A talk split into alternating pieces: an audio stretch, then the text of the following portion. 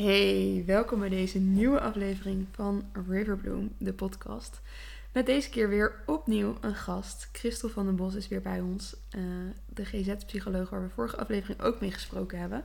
En deze aflevering gaan we het hebben over het innerlijke kind en trauma. Vorige aflevering hebben we daar al een beetje over uh, gesproken, dus leuk als je die aflevering ook hebt geluisterd. Maar je kunt deze aflevering ook heerlijk los uh, daarvan luisteren. Welkom Christel, leuk dat je er weer bent. Dankjewel. Kun je jezelf nog even voorstellen voor de mensen die jou de vorige keer niet hebben gehoord? Ja, nou, Christel dus, uh, werkzaam als uh, GZ-psycholoog uh, in een eigen praktijk met twee collega's. Um, en ik ben daarnaast ook getrouwd, moeder van drie kinderen. En um, ja, wat zal ik nog meer over mezelf vertellen? Ik heb mezelf iets nieuws aangeleerd dit jaar. Ik ben gaan paardrijden. Leuk. Heel leuk. Leuk om iets nieuws te leren. Ik hou ook van muziek maken. Uh, tijd in Australië gewoond. Um, en uiteindelijk toch weer terug naar Nederland gekomen. Uh, oorspronkelijk uit Limburg. Dat heb ik wel uh, goed verbloemd, denk ik. Dat je dat niet meer hoort. Nee. Maar, ja, nu, ik woon nu al jaren in regio Utrecht, Arnhem. Ja. En iets nieuws leren zeg je heel bewust. Ja. Waar kwam dat vandaan? Gewoon even nieuwsgierig. Nou, ja, ik ben natuurlijk moeder en ja, druk leven. Ja. En dan soms kan het zo zijn dat, dat er weinig voor jezelf overblijft. Dus ik vond het wel heel leuk om echt iets bewust, iets, iets voor mezelf, echt iets nieuws. En ik vond het ook heel verfrissend om iets te doen wat ik eigenlijk gewoon niet zo goed kan. En, waar je echt helemaal uh, vanaf het begin moet beginnen. En ik merk gewoon iedere keer, oh, ik voel me echt helemaal alive, zeg maar, als ik dan uh, weer van het paard afkom. Tof. Ja. Je had ook nooit daarvoor ook nooit paard gereden. Het was echt helemaal nieuw. Ja, nee, dat was niet helemaal nieuw. Uh, vriendinnetjes hadden wel verzorgponies Oh, ja. vroeger. Ja. Maar ik had zelf nog nooit een les gehad. Dus dat Oh, was leuk. eh, ja. Tof. Goed om jezelf te blijven uitdagen en Ja. eh, nieuwe Nou, dingen te proberen. De eerste keer dat ze mij weg lieten lopen met dat paard, dan zeggen ze, het paardrijden op zich vind ik dat nog niet eens zo spannend. Maar dan zei ze, neem, neem het paard maar mee naar stal. Ik dacht echt, laten jullie mij alleen met dit enorme beest. Dan voel je je opeens wel even heel klein. Dus Ja, eh, dat is wel leuk om gewoon andere kanten van jezelf te ontdekken. Ja. zo. Ja. Ja, ik heb dat, ik heb voor de zomer had ik een eh, proefles in dansen. En ik heb nog nooit gedanst. En ik was iets van, oh, dat lijkt me wel heel erg tof. Maar ik vond dat zo'n spiegel. Dat je Ja. voelt van, oh, ik wil het meteen net zo goed kunnen als al die vrouwen die hier Ja. al jaren dansen. En Ja. dat je dan voelt van, oh ja, dit, ik wil dit dus heel graag dat ik ergens de beste in ben. Of dat je het dan Mhm. zo goed kan. Dat je dan Mhm. even spiegel wordt voorgehouden van, het hoeft niet. Doe maar lekker. En dat je gewoon ja, nieuwe kanten van jezelf daarin ook ontdekt. En gewoon voor de lol. Ja, gewoon voor de lol. Drempellaag en gewoon lekker genieten. Ja, leuk. Ja, tof. Mooi. Nou, even een mooi bruggetje naar trauma. Boom. We hadden het, eh, vorige aflevering hadden we het er al een beetje, toen eindigden we, waar, Ja. eindigden daar, we daarmee. Want als GZ-psycholoog ja, kom je daar wel eens mee in aanraking met trauma en eh, is dat een groot deel van je werk. Hoe zou jij trauma omschrijven? Wat eh, is trauma?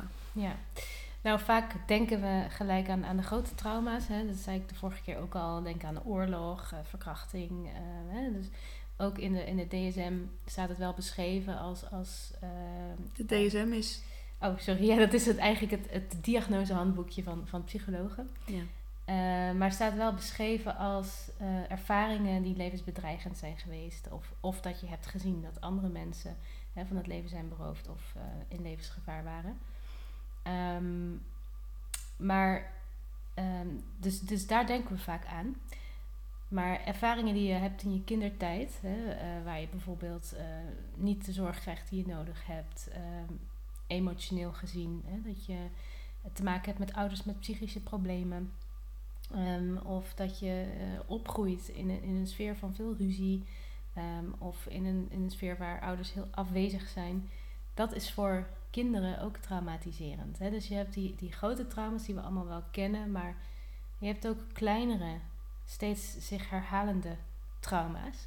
Hè, die ook echt wel kunnen leiden tot, tot heel veel problemen in je latere leven. Ehm, dus wat het vaak eh, gemeen heeft, is, is dat je ehm, op, op latere momenten, hè, dus dat is al lang geleden, je woont al lang niet meer thuis bijvoorbeeld, hè, dat je nog steeds geraakt wordt eh, in thema's ik word niet gezien of er is geen aandacht voor me. En dat je allerlei coping gaat ontwikkelen om met die pijn om te gaan. En met die, maar die wond die blijft er natuurlijk zitten. Ja. En zou je dan zeggen dat iedereen of bijna iedereen een wond heeft?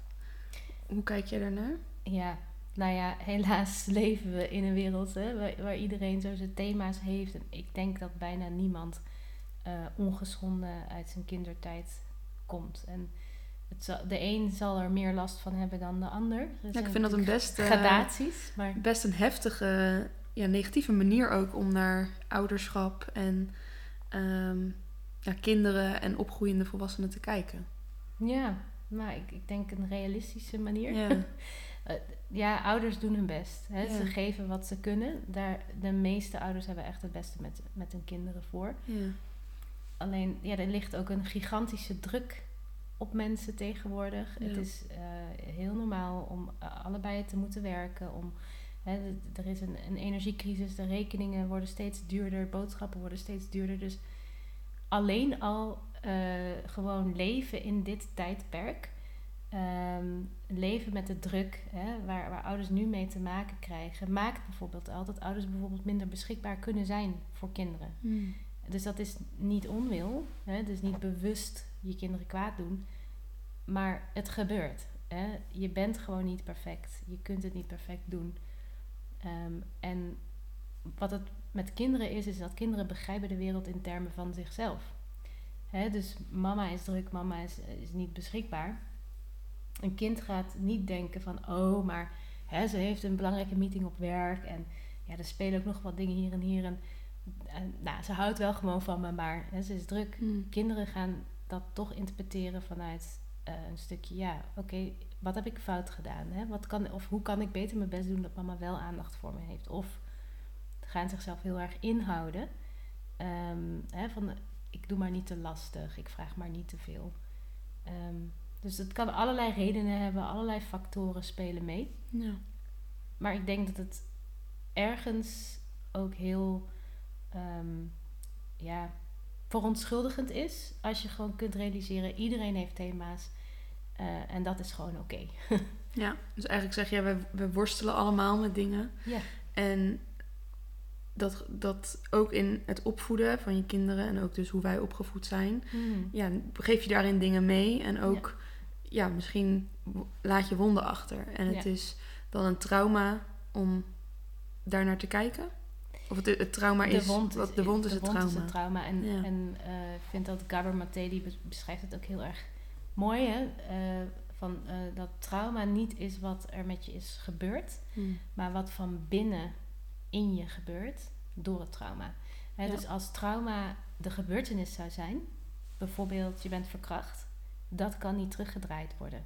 Ja, wat kun je er dan nog mee? Ja, Het gaat over wat het binnenin jou heeft gedaan. Hè, dus de, de overtuigingen die daardoor zijn ontstaan, de manier waarop je naar jezelf bent gaan kijken, naar anderen bent gaan kijken. En daar zit dus tegelijkertijd ook heel veel hoop. Ja. Want daar hebben we invloed over, op. Hè? En dat, Ja. dat kun je zelf gaan aanpakken. Daar kun je samen met anderen naar gaan kijken. Daar kan je van helen. En als we het hebben over kleine trauma's, je noemt nu Mhm. weer een, een heel groot trauma. Klopt, ja.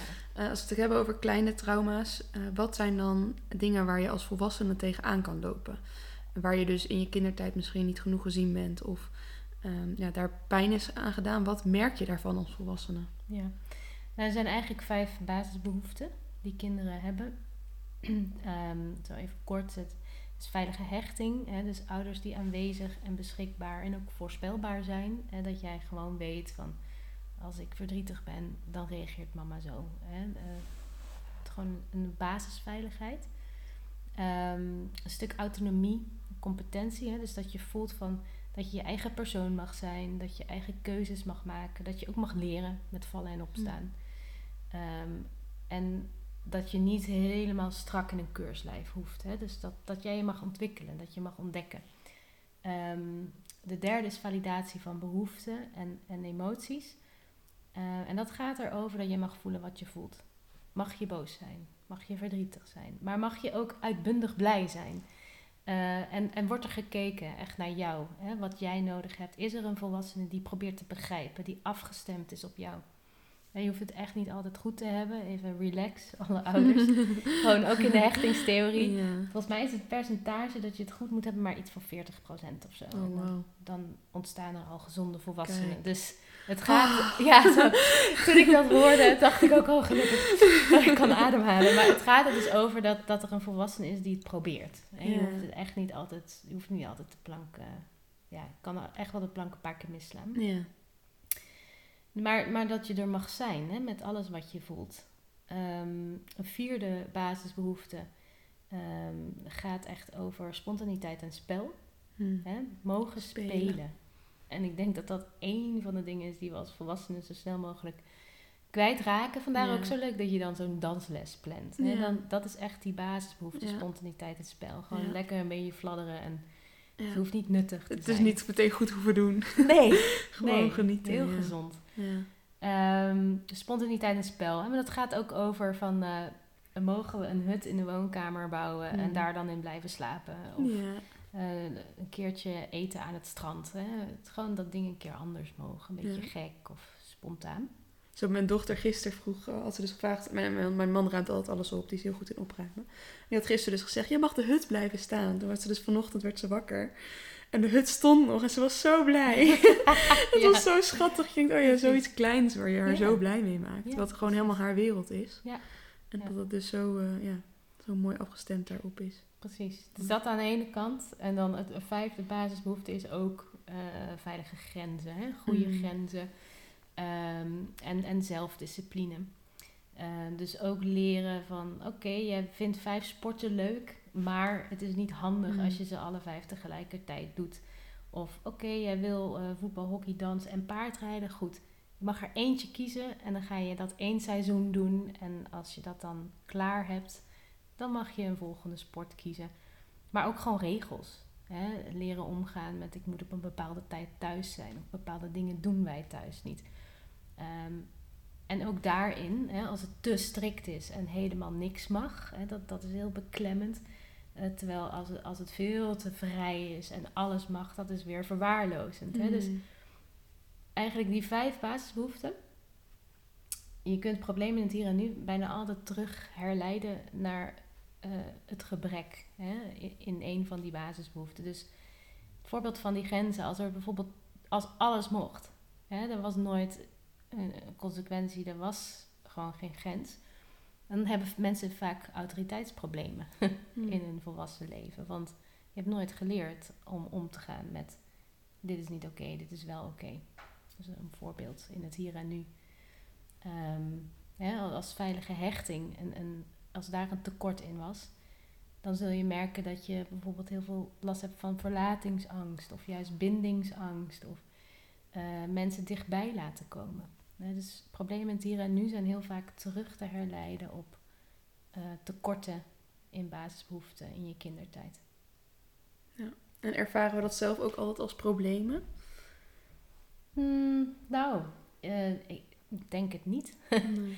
Ik denk sommige, eh, bijvoorbeeld als je bepaalde thema's in je hechting, die gaan vaak pas spelen op het moment dat je een intieme relatie hebt. Ja.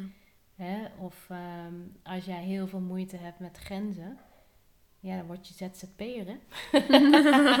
Allemaal autoriteitsproblemen. Nee, maar ik bedoel, hè, dus er zijn ook vaak Dat je het kan ontwijken. keuzes die je kunt ja. maken. Nou, geen relaties aangaan, dan heb jij geen last van je hechtingstrauma. Ja. Dus ehm, ja, het wordt pas een, een probleem vaak in intieme relaties of hè, op, op momenten dat je op je werk vastloopt of in je ouderschap.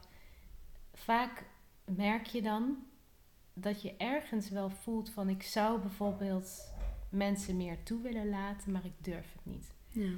Hè? Of ehm, als jij nooit gevalideerd bent in je emoties en in je behoeften als kind, en jij wordt moeder, en jouw kind ligt eh, vervolgens drie minuten op de grond eh, keihard te krijsen en hè, zoals kinderen doen, Ja. dan kan dat enorm triggerend voor je zijn. Ja. Hè, dat je daar totaal niet mee om kan gaan. Dat je denkt, "Poh, waarom word ik hier nou zo boos van? Ja. Ik trek dit niet.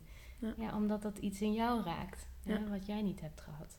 Wat ik zelf vaak ook ervaar is dat het dat je eigenlijk anders wil reageren dan dat je doet. Mhm. En dat je daarin voelt van hé, hey, ik reageer nu vanuit nou, mijn eigen kindstuk of Ja. ehm, hoe ik het geleerd heb. En eigenlijk wil ik het anders doen, Ja. maar het lukt me niet. Ja. En dat ik daar dan een soort van spanning voel. Hé, hey, hier heb ik iets aan te kijken of ergens aan te werken. En Ja. ja. ja, misschien verzorging van mijn innerlijke kind. Ja. ja, je zegt het heel mooi eigenlijk. Want we bestaan uit kanten. Hè, dus ehm, er is een kant in jou die gewoon heel adequaat is. Die weet wat... Je weet ergens wel, een soort geweten bijna, van dit zijn goede keuzes. Dit is hoe het hoort, tussen haakjes. Ehm, en, en vaak kun je dat ook prima. Voor anderen weten we vaak heel goed hè, wat ze Mhm. moeten doen. Ehm, maar zelf heb je soms het gevoel van, nou, ik ben, ik word bijna 40, eh, ik heb een hypotheek, eh, ik heb een eigen bedrijf, drie kinderen. Ik denk van, er zit een hele adequate kant in me, maar opeens kan ik me voelen alsof ik eh, niet veel ouder ben dan een jaar of vijf, zes. Hè, dat je je zo verdrietig voelt, of heel angstig, of enorm boos. En dat kan dan heel kinderlijk aanvoelen. En dat is dan heel gek. Want ik, aan de ene kant kan ik heel veel dingen op een heel volwassen niveau heel adequaat. Wat maakt dat ik nu opeens me zo klein voel. Maar dat is eigenlijk dat verwonde Ja. kindstuk. Dan zit je echt in een thema. Ja, dus dat herken voor de mensen thuis die het nu, nu luisteren. Hoe kun je een kindstuk herkennen? Nou ja, ten eerste is de reactie is vaak heftiger en groter. Ja. Hè, dan jij zelf ergens ook wel weet dat nodig is. Hè? Dus ja. jij wordt er heel erg in geraakt of, of heel erg in getriggerd. Maar iemand anders, voor iemand anders, die, die heeft echt iets van, huh, Wat gebeurt wat er? raakt jou nou zo? Ja. Eh, dus het voelt vaak groter dan, dan passend ook. Hm. Hè? En ehm, meestal weten we het ook wel in te houden. Hè? Ga je niet op dat moment helemaal los, maar van binnen voelt het dan Voel je het? heel kwetsbaar. Je voelt je heel klein. Dus ergens voelt het ook kinderlijk. Ergens denk je ook, hè, dan komt dan vaak ook dat stemmetje, stel je niet aan of zeur niet zo. Hè, dat is je eigen kritische ouder die dan daar ook nog eens wat van vindt. Hm. Dat je zo kinderlijk reageert. Maar ergens weet je wel van, wat gebeurt hier nou? Dit, dit klopt niet helemaal. Hè? Ehm, dus groter dan passend, het voelt kinderlijk aan. Ehm, en, en vaak merk je ook dat je opeens even niet meer zo goed weet wat je moet doen. Hè? Dus je slaat dicht of eh, je, je, je zegt iets waar je dan later van denkt, Hè, waarom reageerde ik nou zo? Heeft dat ook te maken met bevriezen, vluchten of Ja. vechten? En iedereen heeft zo zijn eh, ja, een default setting, zeg maar. Ja. Denk dat ik wel eh, over het algemeen een vechtertje ben. ja. Misschien in de intieme relaties meer vechten en in eh, zeg maar eh, grotere context meer bevriezen. ja. Maar je kunt ook gewoon hè, letterlijk vermijden. Hè? We gaan het gewoon niet aan, we hebben het er Ja. niet over. Bevriezen is, is echt dat dichtslaan en vechten is gelijk de discussie aangaan en je gelijk willen krijgen. Ja. ja. Dus die, da- daar worden vaak ook die, die ongezondere kanten Ja. Getriggerd. Als je er niet ehm, op een goede manier voor leert zorgen. Hè? Ja. Want het is, het is helemaal niet erg eh, dat je geraakt wordt. Iedereen wordt namelijk geraakt. Hè? Dus Ja, dat vind ik wel een hele mooie om nog extra te benadrukken. Want als we het hebben over dit soort onderwerpen, dan kan het al snel zo zwaar voelen en Mm. heftig en verdrietig ook wel. ja, En tegelijkertijd is het dus heel normaal. Dus- En mogen we daar ook. onderdeel van het leven. Ja. Ja. Ja. En kunnen we dat. eh, ja, misschien normaal is dan een verkeerd woord om het daarmee te normaliseren of zo. En tegelijkertijd is dat het wel. Mhm. Toch? Onderdeel van. En mogen Ja. we met elkaar daarin ook. Ja, daar ook kwetsbaar in zijn en daar openheid over hebben van hé, hey, ik, ik zit hiermee of ik word hier geraakt. Dan verlaag je, dan komt er ruimte. Ik voel dan meteen lucht of zo. Ja, je kunt het ook zien als ehm, hè, gewoon eh, wonden die je met je meedraagt. Ja. En op het moment dat je die wonden niet verzorgt, hè, dan worden dat etterende Hmm. eh, plekken. Ja, En dan hoeft maar een zuchtje wind langs te gaan en Ja. ja, dan zit je tegen het plafond. Ja. Ehm, dus kijk, het feit dat je geraakt wordt op zich, ja, iedereen wordt geraakt. Iedereen Ja. heeft thema's. Er is tegenwoordig ook wel zo'n stroming hè, van die, eh, die eigenlijk heel erg is op iedereen toxic people moeten weg. Hè? Ja. Dat gewoon iedereen wordt verbannen. Dan denk ik, ja, als jij nooit meer getriggerd wil worden, moet je op een onbewoond eiland gaan zitten. Ja. Dan word je nooit meer getriggerd. Maar ja, we zijn nou eenmaal gemaakt om, om samen te leven, om verbinding te hebben. Ja. Ik denk dat het juist heel mooi is, omdat het inderdaad heel spiegelend werkt. Hè? Dus in contact met de ander Hm. merk jij waar je thema's liggen, waar je pijn zit. En waar er dus nog verzorging nodig is voor de Ja. wond. Dan hou je het ook heel erg bij jezelf. Ja, Ja. over jezelf heb je invloed. Ja. Over de ander niet. Nee, Heb ik wel geprobeerd. Hè? Dus zo moeilijk hè? Ja. in mijn relatie, hè? dat ik dacht als, als mijn partner nou Ja. verandert, Ja. dan kan ik gelukkig zijn. Nou ja, dan eh, zit je er heel erg naast.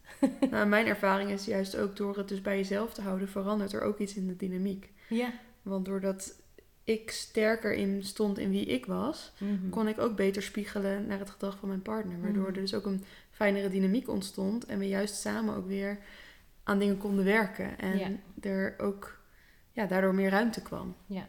En er ook meer eigenaarschap bij beide kanten komt. Dus Precies. dat vind ik wel heel mooi om het dan ook... Ja, je mag starten bij jezelf. Dat Ja. is waar je invloed hebt. Ja. Ja, en Mooi. dat is ontzettend bevrijdend ook. Ja. Hè? Dus eh, ik- denk dat we soms zoveel energie Hmm. kwijt zijn, ook met het projecteren van onze pijn Ja. hè, op anderen. Op anderen. Dus ehm, jij zegt iets wat mij pijn doet, dus jij moet dat niet meer zeggen. Eh, en dan ga je maar bezig met die ander. Ja. Terwijl als je dan even naar jezelf gaat kijken, wat maakt dat dit jou zo raakt? Hè, waar zit bij jou nog de pijn? Ja. En daarmee zeg ik niet dat mensen jou gewoon slecht mogen behandelen en eh, Nee. hè, dat je geen grenzen mag aangeven. Maar ja, ga eerst eens bij jezelf te raden voordat je met vingertje naar de ander gaat wijzen. Ja. Nou, dat vind ik wel mooi wat je zegt. Want daar er is ook wel een ehm, stroming over die alles spiegelt, zeg maar. Want Mm. alles is een spiegel en dat is ook zo. Mm. En tegelijkertijd wordt daar ook geen verantwoordelijkheid meer genomen dan door mensen die pijn doen. En kan het ook dus een cultuur worden van, oh, spiegel jij eerst maar bij jezelf. Dan hoef ik geen sorry te zeggen. En dat vind ik wel ergens gevaarlijk worden, omdat er dus geen ehm, ja, ruimte is meer voor ook verantwoordelijkheid, sorry zeggen, schuld op je nemen. Dus dat vind ik wel een, eh ja, Ja, er is een balans daar ook in. Ik denk ergens hoe beter je jezelf leert kennen, dat je ook beter leert onderscheiden van wat hoort bij mij Ja. en wat hoort bij de ander. Ja. En dan nog, kijk, als iemand er zo in staat van eh, jij eh, hebt gewoon je thema's hè, en jij moet maar aan jezelf werken, jij bent te kwetsbaar. Dan denk ik, als jij jezelf beter kent en jezelf lief hebt en weet wat je waard bent, dan kun je ook makkelijker tegen dat soort mensen zeggen, joh, eh, Ja. ik sta er anders in. Hè? Ik, ik ervaar het zo. En, en dat je dan het daar ook bij laat. Hè? Je hoeft Ja. dan niet te vechten of de ander te overtuigen, maar dat je gewoon goed voor jezelf mag zorgen. Ik noemde Ja. Eh, nog dat voorbeeld van als je wordt gebeten door een slang, ga je dan achter die slang aan om in discussie te gaan met de slang waarom je dat hebt gedaan. Ja. En, eh, en, eh, overtuigen dat je dat echt niet verdiend had. Of ga je je wond verzorgen en zorgen Ja. dat je de medische zorg krijgt die je nodig Ja. hebt.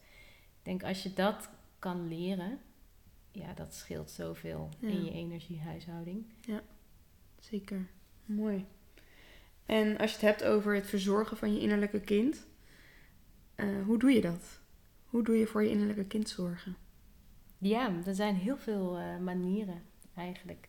Ik begin natuurlijk met een stukje bewustzijn. Dus ik heb wat foto's eh, van mijzelf als, als klein meisje, die heb ik gewoon boven staan. Die zie ik dan iedere dag. En dan, het is ook een stukje contact weer maken, want jij bent, Hmm. hè, dat, je bent datzel- diezelfde persoon. Ja. Je bent wel wat jaren ouder, maar je bent nog steeds die persoon. Ehm, en ehm, eigenlijk door te verbeelden, hè, vaak voor een kind kunnen we veel milder zijn. Hè, dus als ik nu aan jou zou vragen, stel er loopt een meisje van een jaar of vijf, zes hier helemaal overstuur binnen. Wat zou dan jouw eerste reactie zijn? Wat zou je doen? Naar knuffelen, Ja, er vastpakken. die zou je er bij je nemen, Ja. inderdaad vastpakken. Ehm, en dus dan wordt het vaak ook makkelijker om voor jezelf te bedenken van... wat heb ik eigenlijk nodig als Ja. ik verdrietig ben? Hoe zou ik, hoe zou ik met mezelf om willen gaan? Ehm, en, en, en dus eigenlijk luisteren naar die kindboodschappen. Want vanuit je innerlijke kind denk je dingen zoals niemand houdt van me en ik ben niks waard. En dat is allemaal kindbewustzijn. En dan kun je vanuit jouw gezonde volwassene die er ook is, kun je leren om te zorgen voor dat deel in jezelf. Van hé hey, lieverd, kom maar hier, ik hoor je, ik zie je. En dat is zo'n kracht. Hè? Als jij jezelf kunt gaan valideren, als je jezelf kunt gaan herkennen. Want dat is nou hetgene wat je niet kon als kind. Hè, als kind heb je geen keuze. Als kind kun je niet zeggen, nou, dit huis, hier loopt het niet. Ik pak mijn koffers. Ik ga naar een gezin hè, waar er wel ouders zijn die beschikbaar voor me zijn. En ja, dat, als kind weet je niet beter. En ga je ook proberen er het beste van te maken. Je moet roeien met de riemen die je hebt. Hè? Dus je gaat dragen, je gaat zorgen. Uh, maar nu als volwassene kun jij jezelf geven wat je nodig hebt. Uh, en ook met terugwerkende kracht eigenlijk. Mm. Uh, dus dat, dat paardrijden, bijvoorbeeld voor mij, ehm, was ook een manier om mezelf alsnog te geven wat ik, wat ik graag wil. Van als ik daar zin in heb, dan doe ik dat. Mooi. Ja. En ook hulp vragen, denk ik. Als mm. volwassene kun je ook beter leren hey, wat heb ik nodig en wie of wat heb ik daarvoor nodig om mij dat te kunnen geven. Ja. En daarin contact te zoeken ook met anderen. Precies, ja. Dus het, het leren van wat zijn nou eigenlijk mijn behoeften. Ja. dus het, het innerlijke kind, daar zie je vaak de verwonding en de pijn. Hè? Van ik word niet gezien, ik hmm. word niet gehoord, uh, ik voel me niet geliefd. Nou, hoe kun je dan jezelf zien? Hoe kun je jezelf horen? Ja. Hoe kun je jezelf liefhebben? En als je dat goed weet, kun je het vervolgens ook aan anderen vragen. Van, hey, ik heb het eigenlijk even nodig. Ik moet heel even kwijt. Ik voel me, niet, ik voel me niet lekker vandaag. Heb je ruimte voor me? Hmm. Of kun je me even knuffel geven? Kun je even bij me zitten? Hè? Dus dan kan je ook veel beter uiten naar anderen. Ik zat ook nog te denken van, ehm, er zijn ook meerdere kanten van, van het innerlijke kind. Hè? Dus vaak weten we wel die kant die dan heel paniekerig kan zijn. Ik kan wel een voorbeeld geven. Dat ik was net werkzaam als psycholoog. En uh, dan als psycholoog had je gewoon productiecijfers. Dus je, eigenlijk best gek als ik er nu aan terugdenk. daarom ben ik ook deels voor mezelf begonnen, omdat het dan niet meer hoeft. Maar je moest gewoon voldoen aan een bepaalde target. Zoveel uren declarabel zijn. En dan om de maand had je dan een gesprek met je manager daarover. En dan was er één maand, had ik het niet gehaald. Nou, ik zat daar gelijk te huilen. No. dat, ik, dat ik echt zelf ook zoiets had van... Ah oh man, ik wil helemaal niet huilen. En, en rationeel wist ik eigenlijk wel van dat het allemaal helemaal niet zo erg was. Uh, dat is echt zo'n zo'n voorbeeld. Hè? Van dat je dan zo getriggerd en zo geraakt bent in dat innerlijke kindstuk.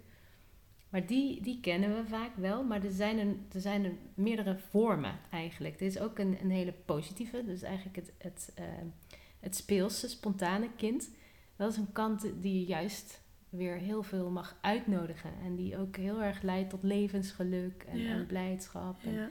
Mooi. Ja, ik weet niet of jij je kan herinneren de laatste keer dat jij in zo'n zo'n kant zat. Gewoon lekker voldaan. Nou, ja, die herken ik ook wel echt heel erg. Van, uh, zeker, met, zeker sinds ik kinderen heb, dan mag je ook lekker weer spelen. Dus ik vind het echt heerlijk dat je wel lekker uh, in de speeltuin van de kabelbaan kan.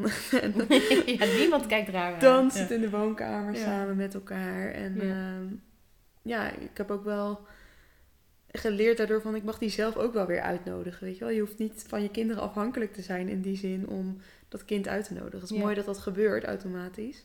En tegelijkertijd zit dat kind er ook gewoon zelf in. Dus mag je ook inderdaad dingen ontdekken waar je zo blij van wordt. Ja, ja. en rondom die kant zit ook vaak wel een soort uh, schroom of hè, mm. van dat is dan ook wel interessant om, om dat te mogen doorbreken. Hè? Vanuit je gezonde volwassenen kun je zeggen: hey, het is heel gezond om te spelen. En om, om, jezelf vrij te laten. Ja. Heel grappig, want ik deelde laatst een gedichtje op Instagram over dat kind draag je met je mee en speel lekker. En dat iemand ook zei van, oh ik was dit weekend op vriendenweekend en ik had juist helemaal contact met dat kind in mij en ik voelde me daar een beetje raar over en uh, kon dat wel en schaam. Dus dankjewel voor deze bevestigingen. Die voelde heel erg dat inderdaad, die schroom van, oh mag ik dit wel laten zien? Mag ik wel dansen en gek doen? En ja. Um, ja, terwijl het dus heel gezond is en goed. Ja, ja heel belangrijk om in contact te blijven met die kanten in jezelf. Ehm, maar er is dus ook nog een, een kant, hè, de boze kindkant. In schematherapie hebben, noemen ze dat, hebben ze meerdere benamingen. Ehm, en dat is eigenlijk die kant waar je echt pislink kunt voelen en, en denkt van gewoon zin om deze persoon even helemaal voor God te schelden. Of dat je je van binnen soms echt als een drammende peuter Mm. kunt voelen. Hè? Dat, Ja. Ook die kant is heel erg welkom. Hè? Dus ehm, vaak denken we we zijn nu volwassen en, en we moeten nu volwassen reageren. Dus dan gaan we dat heel erg inslukken. En natuurlijk is het handig als je niet tegen je baas als een drammende peuter gaat staan. Maar als je hem dus voelt opkomen, het is heel belangrijk dat je eh, leert om daar ruimte voor te maken. Dus wat ik wel eens doe, ben benieuwd of iemand me wel eens is tegengekomen. Als ik echt pissig ben, dan pak ik gewoon een stok en dan loop ik door het bos en dan, dan schreeuw ik af en toe en dan gooi ik een stok tegen de boom en dan ik laat het er gewoon even uitkomen. Echt je lijf ook gebruiken om dus... Mijn lijf, maar ook Ja. gewoon schreeuwen. Ja, je stem. ja, Ja. en dan eh, vervolgens, hè, dan neem ik even een momentje om even naar binnen te keren. En dan gewoon even te voelen van, wat, wat is het nou wat me zo boos maakt? Hè? Ja. Wat, wat, wat zegt die kant van mij? En ehm, ja, daar dan vanuit mijn gezonde volwassene kant vertaling voor Ja. vinden. Hè? Van, ehm, ja, het kan gewoon iets heel stoms zijn. Het kan zelfs getriggerd worden in het, in het huishouden met je partner bijvoorbeeld. Hè? Dat je dan denkt van, ja, jij doet ook, haalt ook nooit het vuilnis naar buiten. Bij ons is dat overigens niet zo. Mijn partner die ruimt altijd het vuilnis op. maar ehm, ja, dat je, dat je gewoon eens gaat kijken van wat, wat zit er nou eigenlijk onder? Wat maakt me zo boos? En dan Ja. kun je dat vervolgens ook gaan vertalen en ook de gesprekken aangaan met de mensen waar nodig. En er is ook een andere kant nog wat onderbelicht soms. En dat is eigenlijk dus impulsieve, ongedisciplineerde kind. Oh. En dat is de kant hè, die gewoon denkt van... eh, ik ga gewoon niet werken. Of eh, ik ga te veel geld uitgeven. Of maakt het uit. Of Ja. gewoon echt die, die tegenaanschopkant. Ja, ja, ja. En die heeft weer echt begrenzing nodig. Hè? Ja. Dus die verschillende kanten in jezelf hebben verschillende dingen nodig. Ja.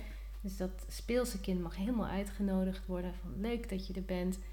Dat kwetsbare kind, hè, waar je heel paniekerig, heel verdrietig voelt. Die heeft troost en verzorging en steun nodig. Boze kind, vertaling nodig. Hè, vanuit de gezonde volwassenen. Ook om gehoord te worden, maar ook hè, van hoe doe je dat dan op een gezonde manier.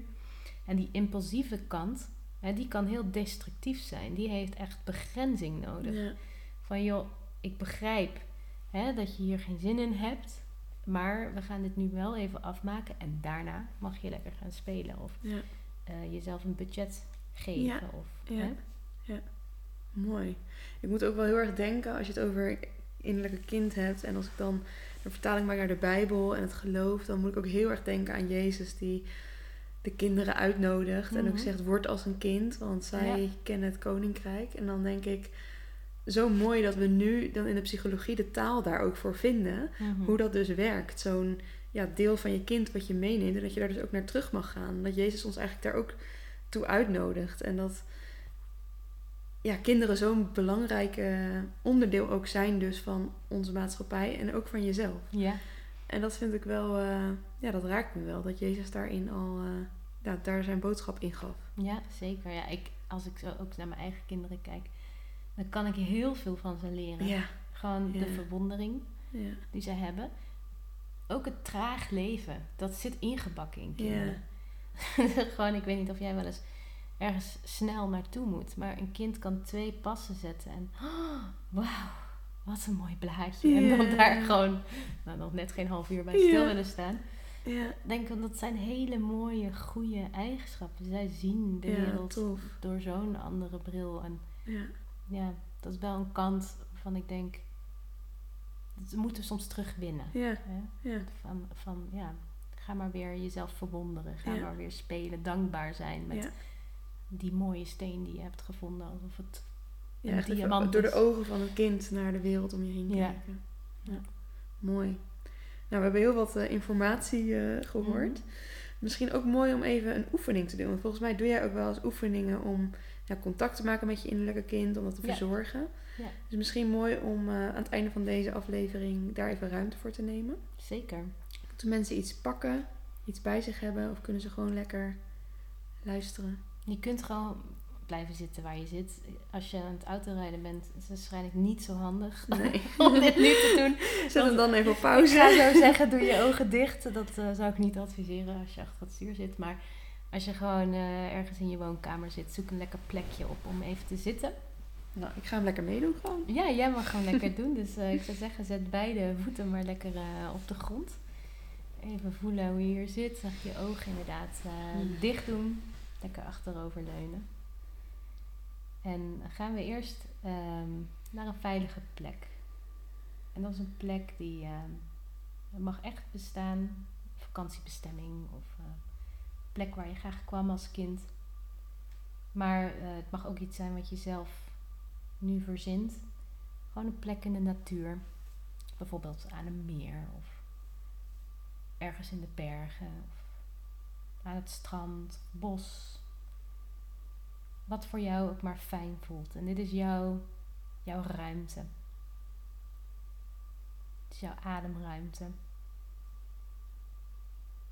Hier mag je gewoon helemaal zijn. Hier ben je helemaal vrij. Hier hoef je niks.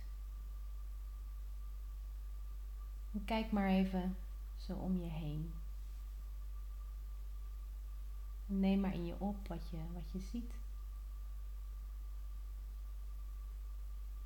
Misschien zie je hele mooie bergen met een zon die ondergaat. Of zit je aan een kabbelend beekje. Dit is jouw plek. En verleg je aandacht maar even naar wat je voelt op je huid.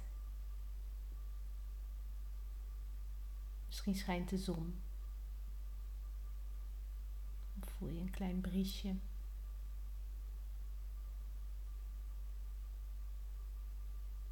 Neem het allemaal maar in je op. En vervolgens kijk maar even wat je hoort. Welke geluiden hoor je hier?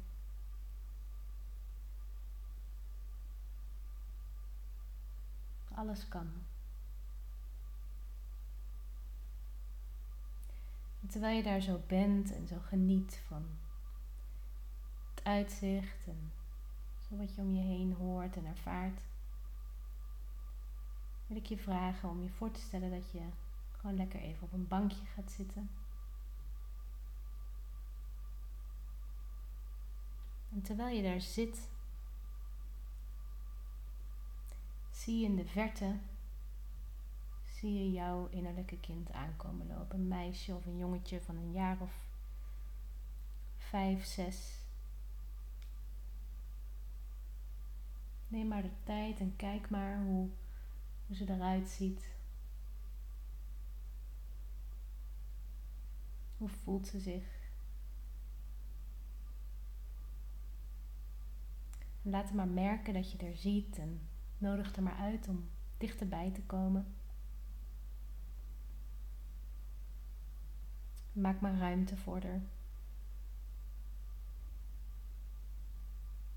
Vervolgens nodig je haar uit om naast je te komen zitten.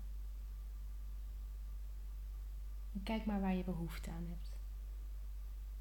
Of je een arm om haar heen wil slaan of Misschien wil je nog een klein beetje afstand houden, dat mag ook. Alles is goed. Observeer het maar gewoon.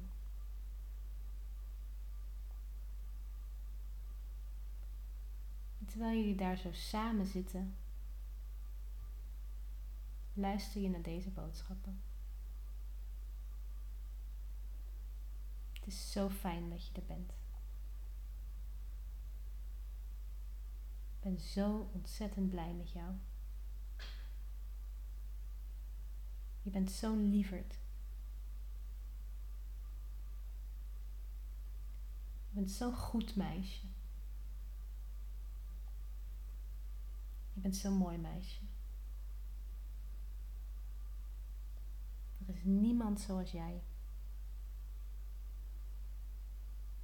Ik vind het zo fijn om bij je te zijn.